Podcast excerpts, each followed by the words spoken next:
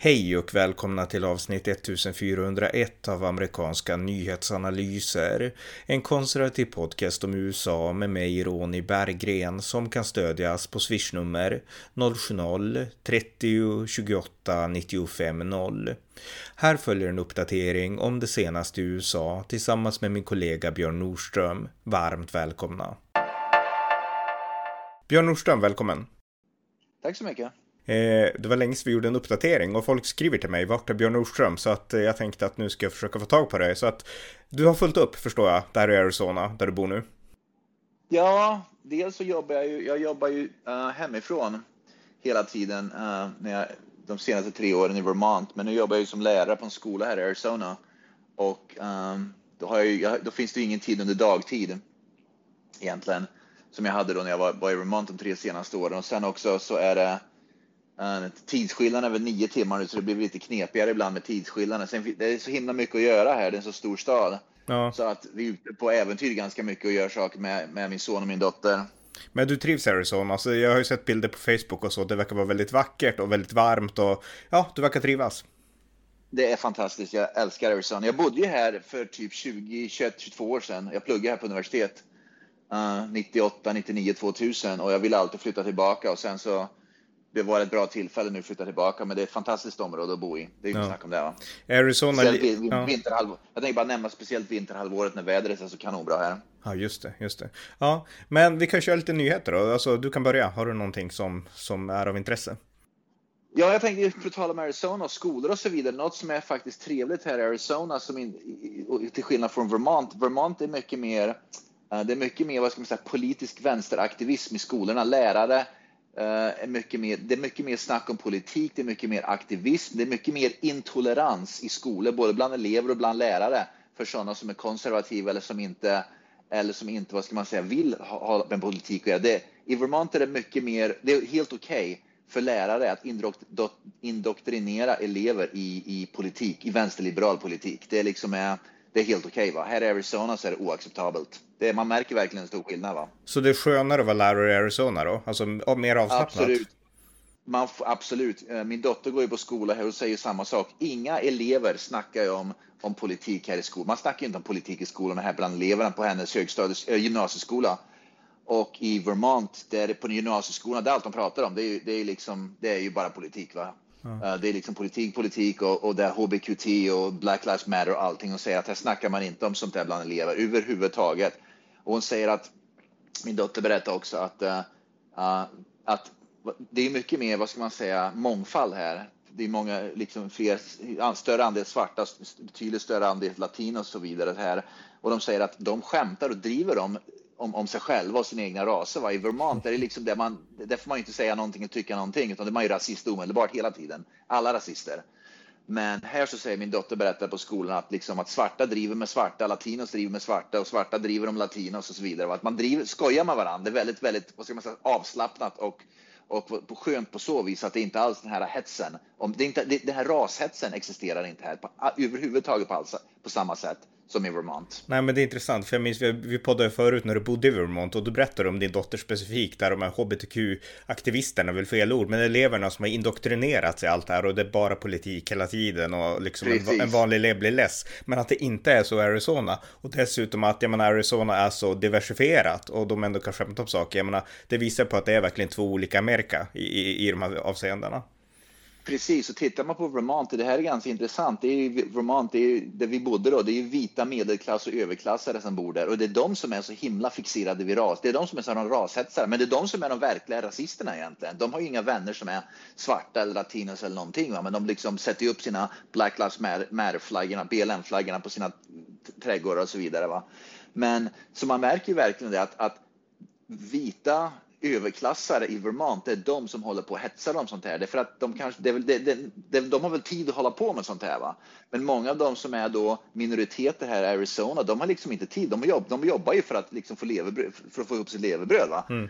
Och man liksom är mycket, mycket mer avslappnad med sånt där. Ronja säger att de, min dotter då säger att de skojar om sånt där och det, hon tycker det är jätteroligt att man liksom, man, man kan skoja om sin, här i Arizona kan man skoja om sin egen etnicitet och, sin, och liksom sin egen bakgrund och kultur och så vidare. Va? I Vermont gör man det, då är det omedelbart rasism. Mm. man verk, och det, för att det, vi, det, är verkligen, man, det verkligen framstår att det är vita som har börjat driva på, som verkligen driver på det här rashetsen och det här de här galenskaperna som pågår. Det är inte minoriteterna som, som håller på med sånt. Nej, intressant. Men, men vad härligt med en sån avslappnad miljö.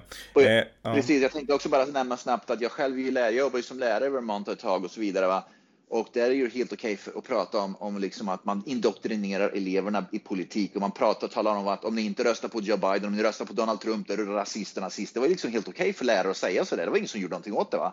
Och jag, här är det oacceptabelt att prata politik. Jag snackar ju, har frågat flera kollegor och lärarkollegor på jobbet och frågat Uh, är det, jag, jag, jag, jag, har märkt att man inte pratar politik eller någonting här på skolor och med elever och, och mina lärarkollegor här säger att herregud, det är självklart att vi inte pratar politik. Vi ska inte tala om för eleverna hur de ska tänka och tycka politiskt. Det är inte vårt jobb, absolut inte. Det är en helt annan inställning, väldigt sund inställning, tack ja, och lov. Och då är det alltså neutralt, det är inte så att ja, men du, du får gärna säga att liksom republikanerna är bra, det är inte åt det hållet Nej. heller. Nej. Absolut inte. Jag har inte hört en enda elev eller en enda lärare överhuvudtaget nämna politik här. Och det var någonting som man hör i, i skolor i Vermont konstant. Allt de snackar om det är politik, politik. Mm. Och det är en oerhörd intolerans då. Inte en enda gång har jag hört varken elever eller lärare prata om raser, HBQT, politik eller någonting här. Och det är så befriande och det är så himla jäkla skönt.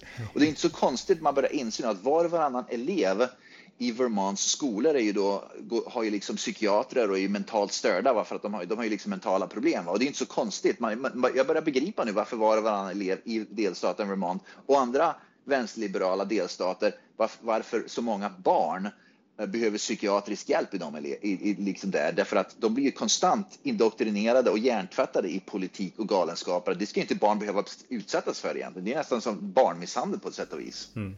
Ja, verkligen. Och det måste stå glasklart när man ser kontrasten som det gör nu. Liksom. Absolut, det är ingen skillnad. Och det är så skönt och avslappnande och, och slippa all den där skiten helt enkelt va, när man är i skolan. Och även då dottern, hon är hon är helt jättelycklig. Alltså jag slipper hålla på och snacka om sånt där, eller lyssna på sånt skit. Man, här, kan, här pratar man om saker som barn. Man, jag kan få en, en tonåring här och slippa den där dyngan som de pratar om där, vilket är konstant aktivism om HBQT, rasism och allt det där, BLM och allt det där konstant. Det är allt det snackas om. Mm. Men det kommer ju betyda också att, eh, för jag menar min, den slutsats jag drar, det är att det är elever som växer upp som de gör på det sätt de gör i Arizona. Det är de som kommer någon vart och som kommer liksom bli smarta och lära sig diskutera och lära sig att lära sig riktiga saker. Så jag menar, det betyder ju att sannolikt så kommer de här riktigt intellektuella att komma från sådana delstater, inte från delstater som, som Vermont, skulle jag gissa.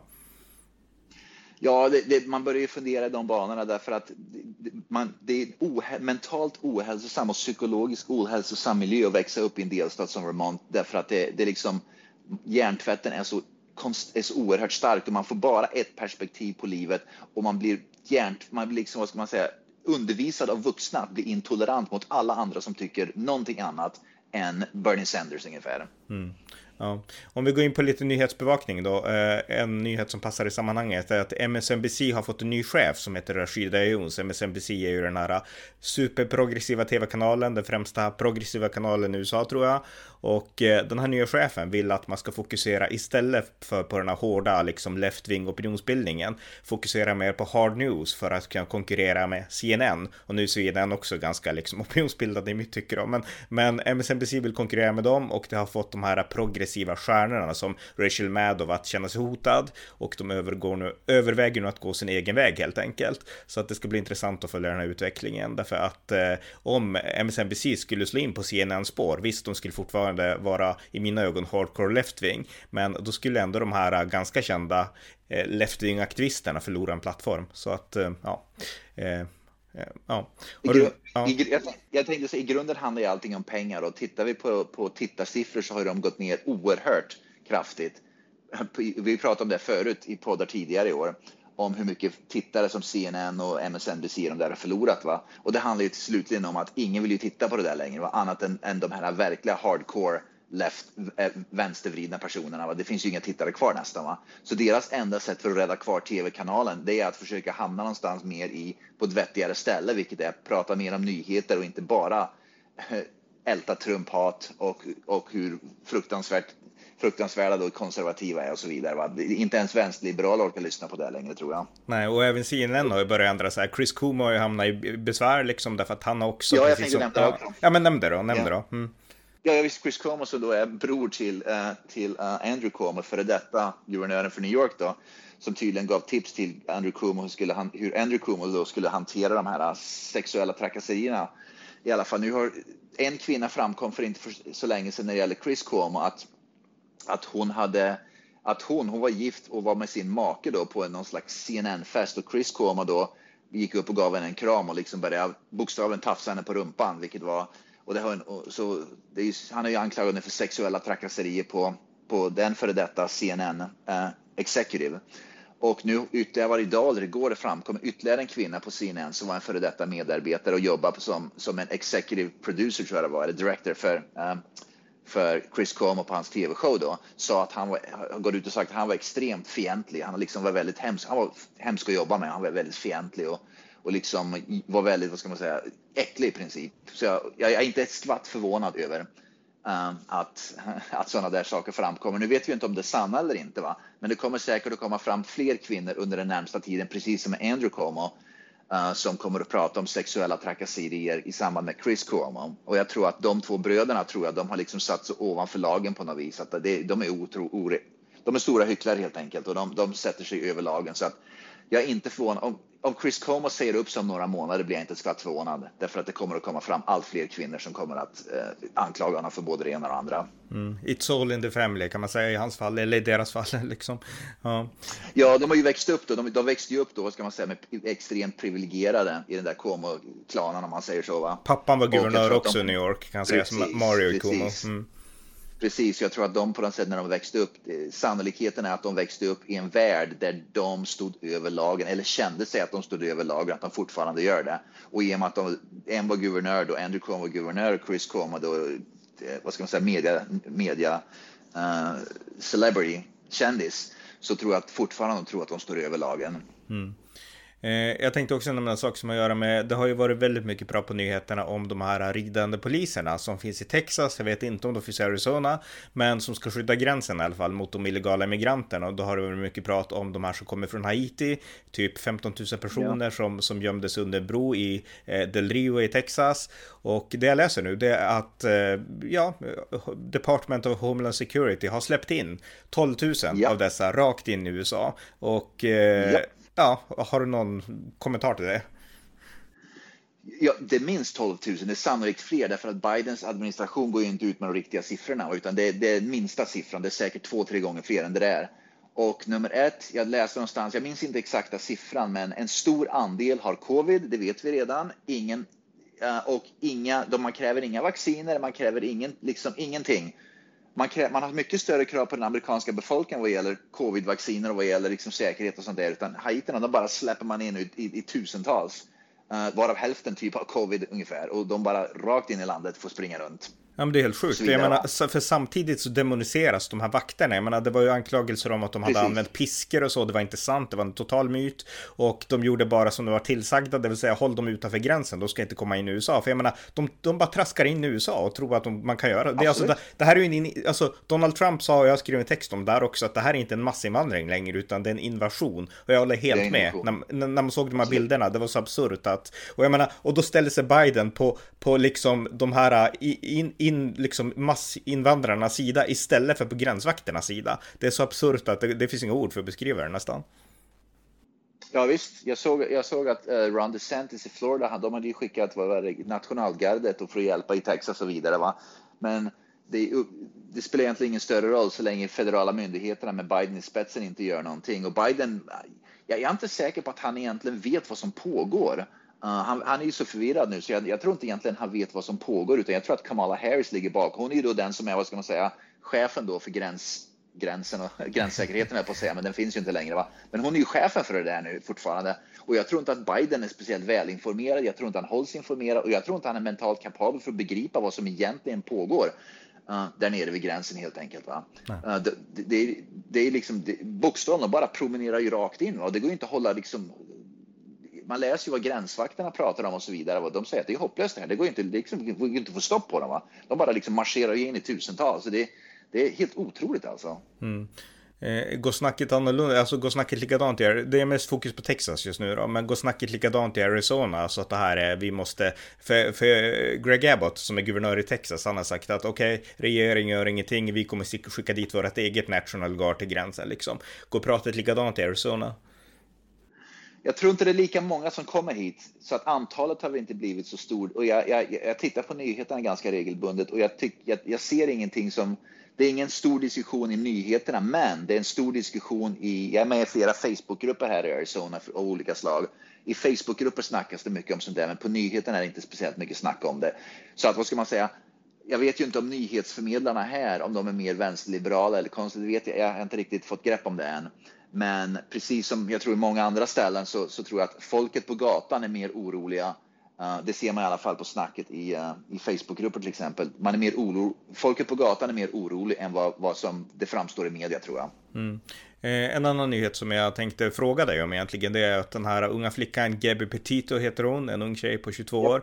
Hon har hittat stöd och det har ju rapporterats om henne en del i Sverige. Men min fråga är, hur pass stort var det här i USA, eller är kanske till och med, den här nyheten om henne? Det är, det är nyheterna konstant, det är liksom mm. 24-7, det är en jättehuvudnyhet fortfarande.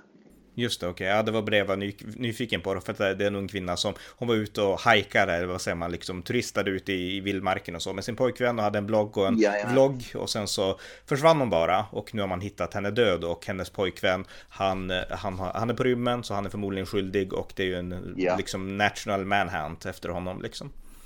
Absolut, och det finns en gubbe, han heter, han är väldigt känd, han hade en tv-show han kallas för Doug the Bounty Hunter. Um, och han, är, han har långt blont hår, han är typ 65-70 år eller något sånt där gammal. Men i alla fall, han är väldigt, väldigt känd här i USA.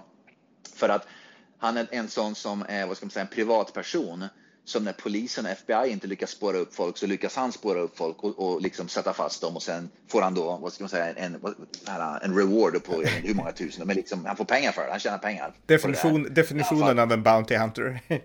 ja. Han är bokstavligen en, en, en, gammal god Bounty Hunter, absolut, och han, är nu, han har nu hoppat in på det här fallet, han verkar vara på spåren nu. Han verkar vara, han verkar ha, han verkar vara med på spåren FBI. Jag vet inte hur han gör det, men han har lyckats i alla fall hitta saker och ting som FBI inte lyckades hitta. Så att jag skulle inte bli förvånad om om uh, Dog the Bounty Hunter, den som, som slutligen får tag i den där killen faktiskt. Det är rätt kul, för det, men det är bara USA man har prisjägare, heter det på svenska, som man har sådana där. Men I Sverige har vi ja. inga sådana, utan då är det polisen ska ut och knacka dörr, liksom. Privata människor får inte göra något, liksom. Men uh, ja, en stor skillnad. Ja, det är väl det att, att, att han har väl inga, han har liksom, vad så heter det, red tape, han har väl inga vad ska man säga, han behöver inte oroa sig för några red tape eller någonting. Jag menar poliser och FBI och sånt där, de har ju fortfarande protokoll och, och process, de måste liksom genomgå vissa protokoll och grejer va. Men han behöver inte bry sig om sånt där utan han tutar och kör på sin egen stil va.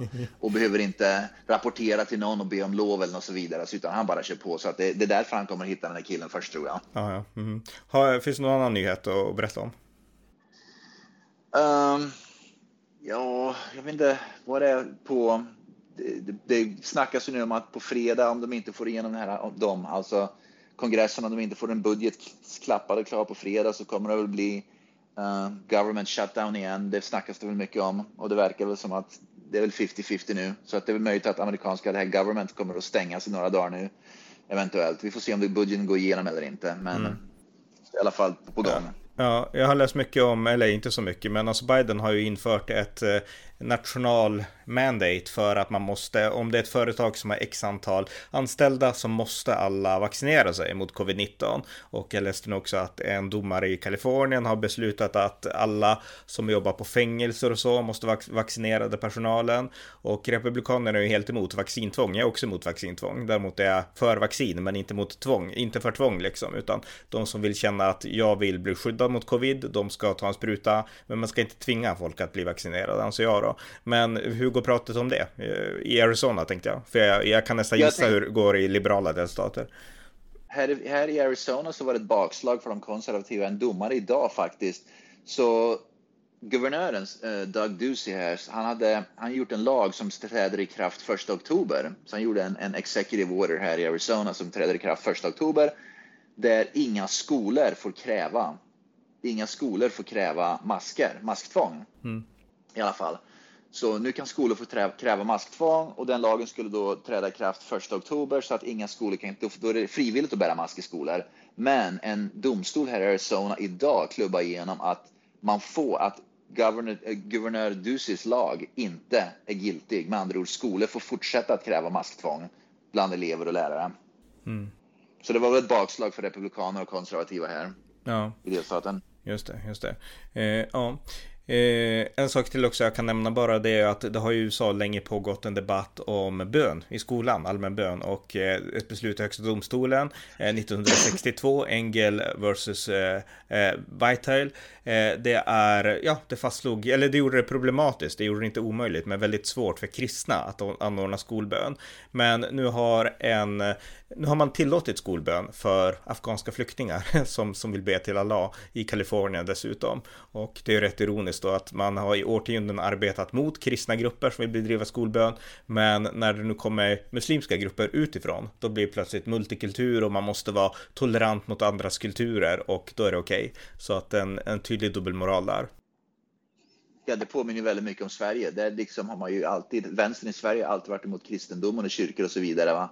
Men man omfamnar ju helt kvinnofientlig islam och ja. allt det där i Sverige. Så det är inte, det är inte ett skvatt förvånande att det sker i Kalifornien nu. Nej, nej verkligen. Jag, ja. jag tänkte nämna också det här vänsterliberala, hur otroligt att det är den gruppen som är rasistiska och segregerande och så vidare. Uh, det finns ett universitet alldeles nu, bara idag. Det finns två universitet, Stanford och jag tror det var uh, Colgate eller Cornell, ett av de två. Och även nu Eastern Washington University, om jag inte minns fel, har nu uh, stiftat en, vad ska man säga, en policy att svarta, som, på universitet så finns det här universitetsbostäder mm. där elever då bor, universitetsstudenter bor. Och nu i alla fall finns det tre universitet i USA, det tredje då var det i Washington, som har där enbart svarta, man får segregera så att svarta får sin egen bostad där bara svarta får bo, men vita får inte göra samma sak. Va? Så med andra ord, man segregerar svarta från vita. Och det är de universitet som är mest vänsterliberala som påstår sig värna om, om det här med mångkultur och allting. Att, att de påstår sig vara emot allt det där, men samtidigt så är det de som börjar segregera nu, att svarta ska ha sina egna bostäder och så vidare. Va? Så man verkligen börjar se att det är allt mer sådana där initiativ som tas nu runt om i USA, där man påstår sig värna om om svarta, men allt man gör att man segregerar svarta från resten av befolkningen. Mm. Ja, det är helt absurt alltså, verkligen. En nyhet till också som jag kom på, eller som jag läser nu, är det att eh, en person från Antifa, denna våldsgruppen vi pratade väldigt mycket om tidigare, som fortfarande mm. härjar på. En person därifrån har blivit, han kommer åtalas för att han har skjutit en person i ett, ja, en antivaccineringsdemonstration som hölls i delstaten Washington, där folk då demonstrerar mot obligatoriskt vaccin. Och det har de rätt att göra oavsett vad man tycker om, om den saken liksom. Men Antifa menar ju att de är fascister, så att då var det en person från Antifa som gick fram och sköt rakt in i, i, i den här samlingen av liksom antivaxer demonstranter. Så att han kommer att åtalas för det. Och det visar verkligen att, för här i Sverige i alla fall, då går debatten mycket om att självklart ska man vaccineras och sådana saker. Och jag är för vaccin, det är, jag är vaccinerad och jag är väldigt nöjd med det. Men, eh, men liksom friheten, liksom, alltså här är, här är man så tydligt på liksom, självklart ska man vaccineras och de som inte är för vaccin, de är fascister nästan och de är knäppa och sådär. Men man ser hur långt det kan gå bland de här extremisterna. Antifa, de möter sådana så skjuter de dem. Så jag menar, ja. Ja visst, och det är jag inte skvatt förvånad. Jag menar, det är deras våldskapital är rätt högt där egentligen. Ja, verkligen. Ja, jag har inga fler nyheter, så att har du något annat du, du vill berätta eller ja, nämna? Du att jag, näm jag visste det möjligt att du nämnt det här förut, att Biden har ju nu lägre jag har inte hört, lyssnat på dina poddar senaste tiden, men uh, Biden har ju nu lägre, vad ska man heta stöd än vad Donald Trump någonsin hade som lägst. Jag tror Biden är på 42-43 procent nu av stöd. Och majoriteten, uh, jag såg också en annan undersökning nyligen, majoriteten av amerikaner, vilket då inkluderar även då, måste då inkludera oberoende och eller demokrater, minns inte siffran, men majoriteten av amerikaner anser att Bidens mentala kapacitet inte, han är inte fit for office längre på grund av hans mentala eh, problem kan man mm. säga. Va? Så att det kan inte bara längre vara republikaner som anser att han inte längre har mental kapacitet för att vara president, utan det måste vara demokrater och, och uh, oberoende väljare med som helt enkelt anser att han, han liksom inte kan hantera det här längre. Det börjar faktiskt bli en pinsamhet det här i USA. Det, det är bokstavligen pinsamt hur det här, vad, vad som håller på att Biden är så totalt borta ur det. Ingen vet riktigt vem som styr. Jag såg idag att eh, om du vet vem Joe Rogan är, det tror jag mm. vet vem det är, ja. radio, han har i alla fall sagt att, att om, om och jag, jag är inte skvatt förvånad om han får rätt. Va?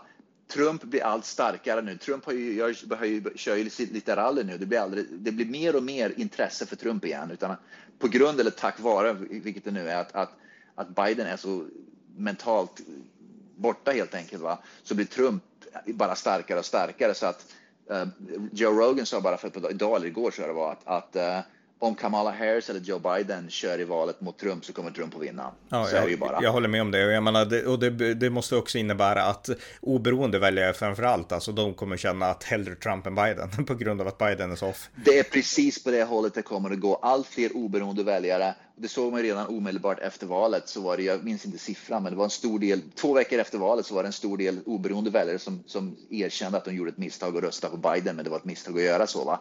Nu är det tror jag ännu fler som gör det och jag tror att många demokrater börjar tycka att det här är ganska, vi måste hitta en bättre kandidat. Vi vet att Kamala Harris kommer att förlora mot Trump om Trump kör igen och vi vet att Biden kommer att förlora.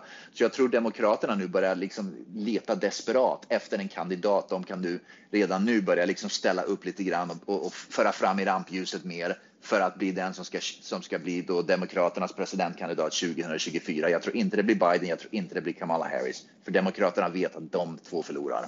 Så det ska bli intressant att se vem de, vem de gräver fram.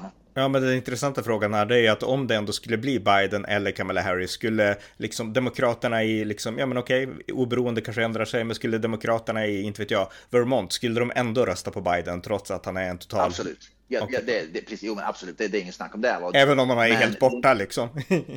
det spelar ingen roll. Det spelar ingen roll, men det, det, är egentligen inte de som kommer att avgöra, utan det är de oberoende väljarna som kommer att avgöra därför att det, det är så pass.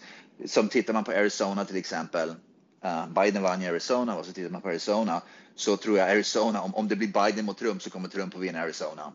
Um, därför att man, man ser vad som pågår. Det är bara en tidsfråga innan innan immigranterna börjar välla över gränserna här i Arizona, precis som i Texas. Liksom mm. börjar trycka på här va? och då helt plötsligt så vänder ju opinionen här med. Det, det, liksom, det bara funkar ju så. Va? Så att eh, jag tror att, att det, kommer, det ska bli intressant att se vad Demokraterna gör nu, för de, de, jag tror de är desperata nu vem som ska ta över. Det snackas ju tag, för ett tag sedan om att Andrew Cuomo, då, guvernören för New York, kanske är en framtida kandidat, men nu vet vi att det är ju kört. Uh, så det, det, ska bli intressant att se vad de gör, därför att um, Bidens mentala hälsa och, och Kamala Harris, hon, är, hon verkar vara helt oduglig. Uh, de, det, det, har liksom, tror jag, ställt till ganska kraftigt för Demokraterna nu i alla fall. Så att eh, det ser väldigt ljust ut för Republikanerna inför nästa presidentval om ingenting drastiskt händer. Ja, och vi kan också påminna om att Demokraterna är ett åldrat parti. Men alla i det demokratiska ledarskapet är ju gamlingar. Joe Biden är ju praktexemplet då eftersom han är så borta. Men Nancy Pelosi, hon är visserligen skärpt, men hon är över 80. Jag menar, Chuck Schumer, han är väl över, ja men långt över några år. Han är med. Ja, precis. Så jag menar, det, hela ledarskapet inom Demokraterna är gamla. Och jag menar, det finns inga nya tydliga liksom. Derna Kennedy, någon Kennedy tror jag är rätt liksom karismatisk, bra och ung och sådär. Men, men liksom generellt så finns det inga många tydliga liksom arvtagare i det demokratiska partiet. Så att det är ju rätt intressant. Men jag tänkte bara eh, knyta ihop med, med liksom just att han är så eh, helt borta nu, Joe Biden. Jag läste nu att John Hinckley, mannen som försökte mörda Ronald Reagan på, i början av 1980-talet, han är nu helt fri, alltså inte frikänd för det han gjorde, men han har suttit 40 år i fängelse och han har varit mentalt sjuk och sådär och ja, han, Reagan överlevde så han dog ju inte så att nu är han fri i alla fall. Men det intressanta är att efter att Reagan vart skjuten, då vart han ju, han fick ju lite sämre minne och Reagan var gammal, var gammal också. Och då började alla gärna spekulera i, åh, tänk om han är dement, tänk om han har Alzheimers och det var ju mest liberal media då i USA. Och sen spred sig det här till Sverige också och, eh, och sådär. Eh, och nu har vi en president som verkligen är det på riktigt, för Reagan var sannolikt inte det. Han vart det senare då, men, men liksom, nu har vi en i Vita huset som är är liksom, ja, ja mer borta än Reagan var i början av 1980-talet. Så att, och det, det är en demokratisk president i det här fallet. Och det som är intressant nu också är att Biden börjar bli väldigt hetsk mot media. Jag menar, liberal media i USA, de fortfarande är ju snälla och trevliga. De behandlar ju Biden helt annorlunda än de behandlar Donald Trump. Mm. Men Biden är ju jättearg på media därför han tycker att de ställer obekväma frågor. Han vill inte ställa upp och mm. det, liksom, det börjar bli en riktig cirkus för att han börjar liksom bli arg och aggressiv mot, mot vänsterliberal media som behandlar honom med silkesvantar. Va? Och det är liksom, han har blivit en riktig, vad ska man säga, en gammal, gammal arg gubbe helt enkelt mot media som då har behandlat honom under hela valkampen. Tack vare media så blev ju Biden faktiskt president kan man inte mångt och mycket säga. Va? Mm. Uh, och nu har han skitförbaskad på samma media som egentligen inte, som är jättesnäll och trevlig mot honom.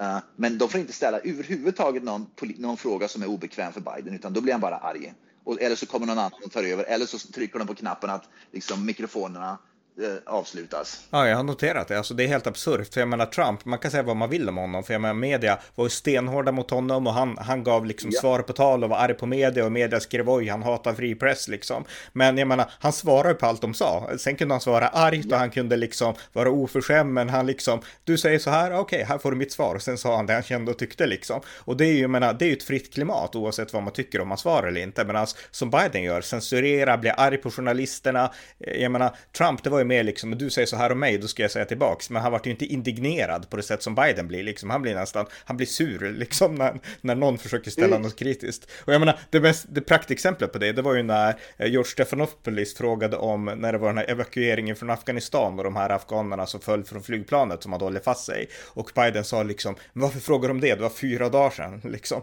Jag menar, ja, det tyckte jag var ett bra exempel på det där.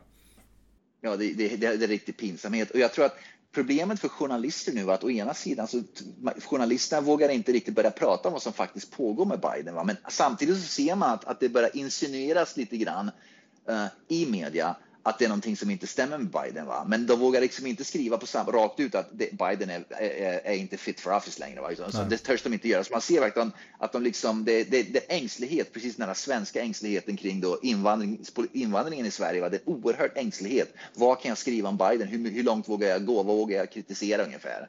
Därför att han är fortfarande vår president, typ. Ja. Precis, och det, det var ju Donald Trump också i och för sig, men, men, men visst. Mm. Ja. ja. Ja. En sak tänkte jag bara nämna, för vi pratar om nya kandidater. Det, man kan ju tänka sig egentligen att de, de mest, vad ska man säga, som står i rampljuset mest bland demokraterna, det är det här the, the squad. Det är faktiskt de som, som är vad ska man, mest i rampljuset nu, de, de enda som egentligen är unga som är i rampljuset. Va? Men de kommer ju inte heller att bli, jag menar, jag kan inte se AOC till exempel eller, eller uh, en av de här, uh, Rashiba Talib till exempel, att bli, uh, att bli en presidentkandidat, även om de själva säkert skulle vilja bli det. Va? Mm. Uh, men det är de personerna som, vad ska man säga, är mest, har mest karisma och liksom är de som syns och hörs mest inom det demokratiska partiet. Va?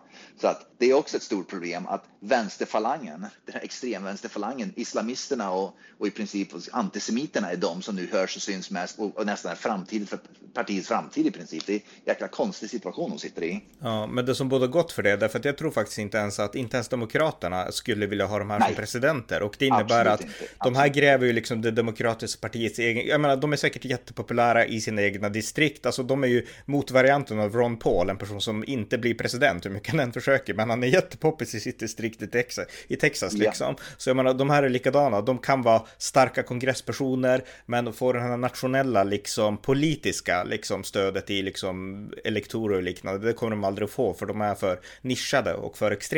Så jag menar, om det här är det demokratiska partiets framtid, då bådar det gott för republikanerna.